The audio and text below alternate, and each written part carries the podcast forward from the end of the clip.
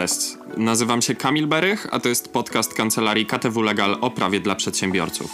W łatwy i przystępny sposób opowiadamy o tematach związanych z codziennym funkcjonowaniem przedsiębiorstw, zmianami przepisów oraz o prawnych przeciwnościach, z którymi prowadzący działalność mierzą się na co dzień.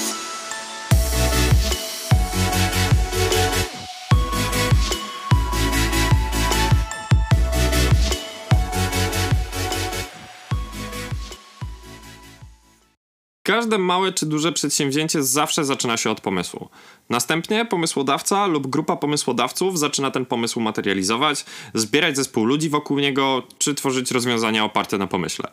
Nie wszystkie przedsięwzięcia związane są z rewolucyjną nową ideą, wynalazkiem czy jakimś przełomowym odkryciem. Czasami jest to po prostu dobrze opakowany, usystematyzowany i usprawniony pewien proces.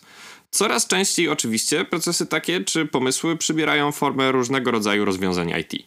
W zależności od rynku, przyjętych technologii, innowacji i stosowanych rozwiązań, mechanizmy ochrony własności intelektualnej wykorzystywanej w takim startupie powinny być e, różne. W tym krótkim podcaście chciałbym Wam przedstawić taką ściągę na temat możliwych do zastosowania rozwiązań.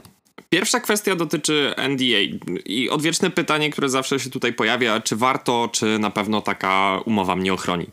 NDA to umowa o zachowaniu poufności, yy, czyli Non-Disclosure Agreement i jest to chyba jedna z najbardziej popularnych umów zawieranych przez startupy. Stosuje się je zarówno w relacjach z inwestorami, czy też potencjalnymi inwestorami, partnerami biznesowymi, a czasem nawet pierwszymi klientami i pracownikami.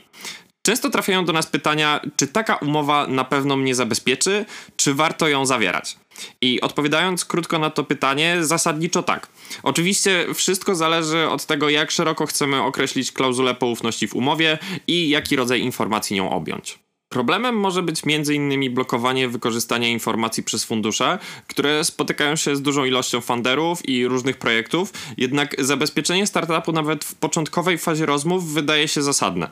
Pamiętajmy, że taka umowa może być dla nas jedynym dowodem na to, że jakaś informacja, którą chcemy traktować jako poufną, została przekazana. Oczywiście sama umowa to nie wszystko. Koniecznie należy zwrócić uwagę, jak potem taka umowa jest realizowana, w jaki sposób przekazujemy informacje, jak je zabezpieczamy, czy zastrzegamy, że konkretna informacja czy materiał ma walor poufności, czy nie. Kolejna kwestia to know-how i teraz wam pokrótce opowiem, co to takiego. Yy, samo know-how nie zostało objęte jakąś ogólną regulacją ustawową i określając, co w ogóle należy rozumieć pod tym pojęciem, można posłużyć się pomocniczo definicją zawartą na przykład w rozporządzeniu Rady Ministrów w sprawie wyłączenia niektórych rodzajów porozumień wertykalnych spod z zakazu porozumień ograniczających konkurencję z dnia 30 marca 2011 roku. Zgodnie z paragrafem trzecim punktem 11 takiego rozporządzenia, know-how to Nieopatentowane, nieujawnione do wiadomości publicznej informacje techniczne lub technologiczne lub zasady organizacji i zarządzania, co do których podjęto działania zmierzające do zapobieżenia ich ujawnieniu, jeżeli stanowią one całość lub część określonych informacji praktycznych wynikających z doświadczeń dostawcy, przeprowadzonych badań lub testów istotnych dla nabywcy z punktu widzenia y, używania, sprzedaży lub od sprzedaży towarów objętych porozumieniem wertykalnym samo know-how nie stanowi przedmiotu ochrony prawnej. Jeżeli zatem udało się nam wypracować pewne schematy działania, jako organizacja posiadamy pewne unikatowe doświadczenie czy sposób organizacji, który chcielibyśmy chronić, warto zadbać, aby taki know-how zabezpieczyć. Najczęściej stosowanym rozwiązaniem jest objęcie go ochroną tajemnicy przedsiębiorstwa. Warto pamiętać, że elementem ochrony mogą być właśnie między innymi informacje techniczne, technologiczne, organizacyjne przedsiębiorstwa, te zgodnie z ustawą o zwalczaniu nieuczciwej konkurencji z dnia 16 kwietnia 1993 roku. Aby jednak tajemnica przedsiębiorstwa była chroniona, przedsiębiorca musi podjąć odpowiednie kroki w celu jej ochrony. Najkrócej mówiąc, tajemnice przedsiębiorstwa powinno się objąć ochroną po pierwsze fizyczną, poprzez ustalenie zasad dostępu i stworzenie fizycznych zabezpieczeń do niektórych pomieszczeń, dokumentów, urządzeń czy materiałów, po drugie techniczną i głównie dotyczy to rozwiązań technologicznych, na przykład oprogramowania czy sprzętów, poprzez ustalenie właściwych sposobów dostępu, poprzez hasła, kodowanie czy odpowiednie oprogramowanie. No i po trzecie formalną ochroną, tworząc odpowiednie procedury dostępu. Kto do czego i na jakich zasadach jest uprawniony w zakresie dostępu, zawierając właściwe umowy wraz z klauzulami o poufności czy zakazach konkurencji z pracownikami, współpracownikami czy kontrahentami. Wprowadzenie odpowiednich procedur, zapisów w umowach czy wdrożenie właściwych regulaminów pozwoli nam w przypadku niewłaściwego wykorzystania naszego know-how, np. przez byłego pracownika lub klienta, podjąć kroki prawne celem ochrony naszych własnych interesów, w tym również pozyskania odszkodowania. Kolejna kwestia to prawa autorskie. Zakładając, że większość nowych rozwiązań oferowanych przez startupy bazuje w jakimś stopniu na rozwiązaniach IT, e, czy to nowa usługa typu SaaS, czy nowy marketplace, rozwiązania e-commerce lub sztuczna inteligencja stosowana w medycynie, zawsze będziemy mieli do czynienia w takich przypadkach z utworami w rozumieniu prawa autorskiego. Utwory te mogą mieć różną postać, mogą być utworami indywidualnymi lub zbiorowymi. Mogą mieć też postać utworów audiowizualnych lub, lub zbiorowych. Mogą również bazować na jakichś innych utworach, jako ich opracowania czy utwory zależne. Dlatego tak istotne jest, żeby w prawidłowy sposób zabezpieczyć autorskie prawa majątkowe na poziomie przedsiębiorstwa, bo do przejścia autorskich praw majątkowych konieczne jest bowiem zawarcie umowy w formie pisemnej, która precyzyjnie będzie określać również tak zwane pola eksploatacji, na których dochodzi do przeniesienia, czyli na przykład korzystanie, powielanie, rozpowszechnianie lub udostępnianie utworu.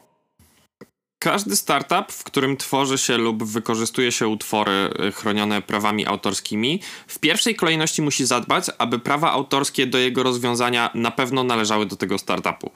Tutaj bardzo istotne są umowy zawierane z pracownikami, współpracownikami, podwykonawcami, którzy tworzą jakikolwiek element lub całość naszego rozwiązania mającego postać utworu.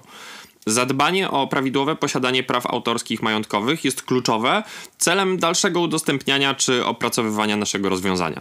Następnie oczywiście należy zadbać, aby w sposób prawidłowy udzielać dostępu do naszych rozwiązań swoim klientom czy kontrahentom, na przykład poprzez rozwiązania SaaS czy licencjonowanie oprogramowania, aby nie utracić kontroli nad naszym rozwiązaniem i uprawnień do jego dalszego wykorzystywania czy modyfikacji.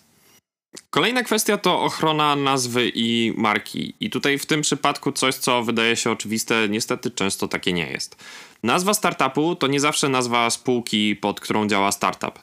Przedsiębiorstwo, poza nazwą samego przedsiębiorstwa, np. XYZ spółka ZO, może posługiwać się również nazwami produktów, towarów, usług, które tworzy i oferuje.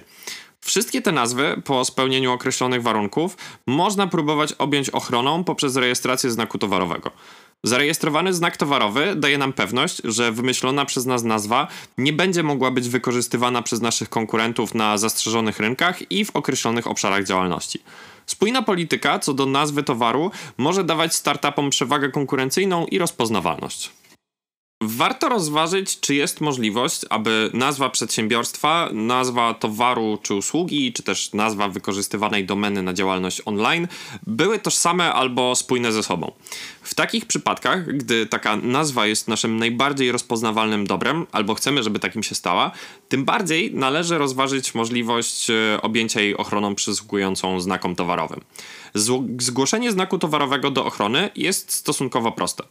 Można to zrobić online na stronie Polskiego Urzędu Patentowego, a dzięki członkostwu Polski w Unii Europejskiej e, jednym zgłoszeniem do e, Unijnego Urzędu Ochrony Własności Intelektualnej można objąć ochroną znak towarowy we wszystkich krajach członkowskich Unii Europejskiej. Jako ciekawostkę można wskazać, że w Unijnym Urzędzie Ochrony Własności Intelektualnej rokrocznie rejestrowanych jest około 135 tysięcy znaków towarowych. No i właśnie może warto zadbać o to, żeby Twój znak był również jednym z nich. Ostatnia kwestia, którą poruszymy w dzisiejszym podcaście, to patent. Patent to często słowo klucz dla początkującego foundera i osoby niedoświadczone często chcą opatentować wszystko, co jest związane z ich pomysłem, począwszy od samego pomysłu. Wydaje się, że uzyskanie patentu zabezpieczy ich przed konkurencją czy nieuczciwym partnerem biznesowym. Warto jednak wiedzieć, że patent to prawo ochronne, które przyznaje się wynalazkom, a nie wszystko takim wynalazkiem może być. Zgodnie z kryteriami, za wynalazek uznaje się rozwiązanie, które jest nowe, czyli nie jest częścią stanu techniki i przed datą jego pierwszego zgłoszenia w urzędzie patentowym bądź wystawienia na uznanej wystawie, informacje o nim nigdzie nie były potencjalnie dla nikogo dostępne. Po drugie, to rozwiązanie posiada poziom wynalazczy, czyli nie wynika dla wynalazcy w sposób oczywisty ze stanu techniki, oraz po trzecie, nadaje się do przemysłowego stosowania. Jeżeli zatem startup stworzy wynalazek, przed jego rozpowszechnieniem bardzo ostrożnie powinien analizować w ogóle taką możliwość, aby nie odciąć sobie drogi do późniejszego opatentowania wynalazku. Z drugiej strony, każdy wytwór intelektualny, który wynalazkiem nie jest, warto próbować chronić w inny sposób, chociażby poprzez zastosowanie innych rozwiązań wskazanych w tym podcaście i nie zrażać się tym, że nasz pomysł, a właściwie jego zmaterializowana postać, na przykład w formie utworu czy know-how, niekoniecznie niekoniecznie będzie traktowany jako wynalazek. Poza wymienionymi wcześniej rozwiązaniami dotyczącymi ochrony własności intelektualnej, Często spotyka się również inne prawa ochronne, np. wzory przemysłowe, oznaczenia geograficzne lub wzory użytkowe, ale charakterystyce tych praw poświęcimy osobny podcast.